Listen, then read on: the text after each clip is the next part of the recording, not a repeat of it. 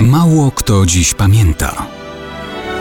Datownik historyczny prezentuje Maciej Korkuć.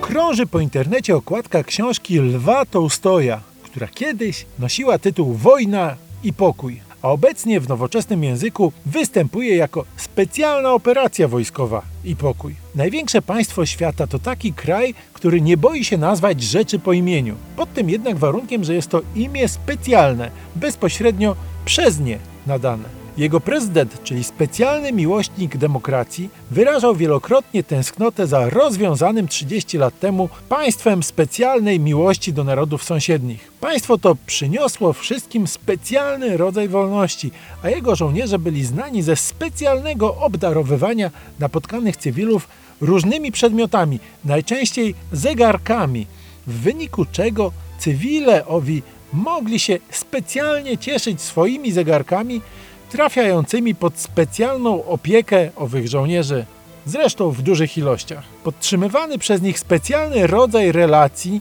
niemałżeńskich powodował, że w 1945 roku kobiety chowały się po lasach, aby nie doznać specjalnego rodzaju wyzwolenia. Już wcześniej, bo w 1920 roku państwo to zamierzało nad Wisłę przynieść owo specjalne poczucie wolności, ale dzicy tubylcy okazali się niespecjalnymi nazistami, ale dzicy tubylcy okazali się niespecjalnymi nazistami i nie pozwolili na zakończenie ówczesnej specjalnej operacji wojskowej pełnym sukcesem. Jako, że armia tego państwa ma kolor czerwony i jest niezwyciężona, to tylko owi naziole nazywają to jej klęską.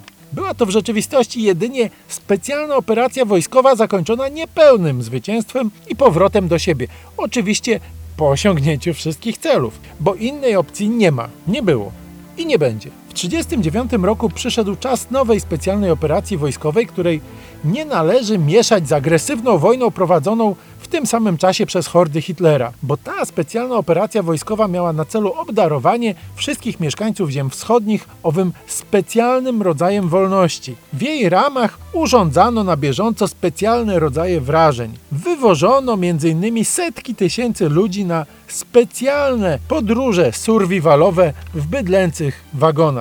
Oczywiście wszystko ze specjalnej miłości do człowieka, która, jak widać, dzisiaj jest niestety ponadczasowa.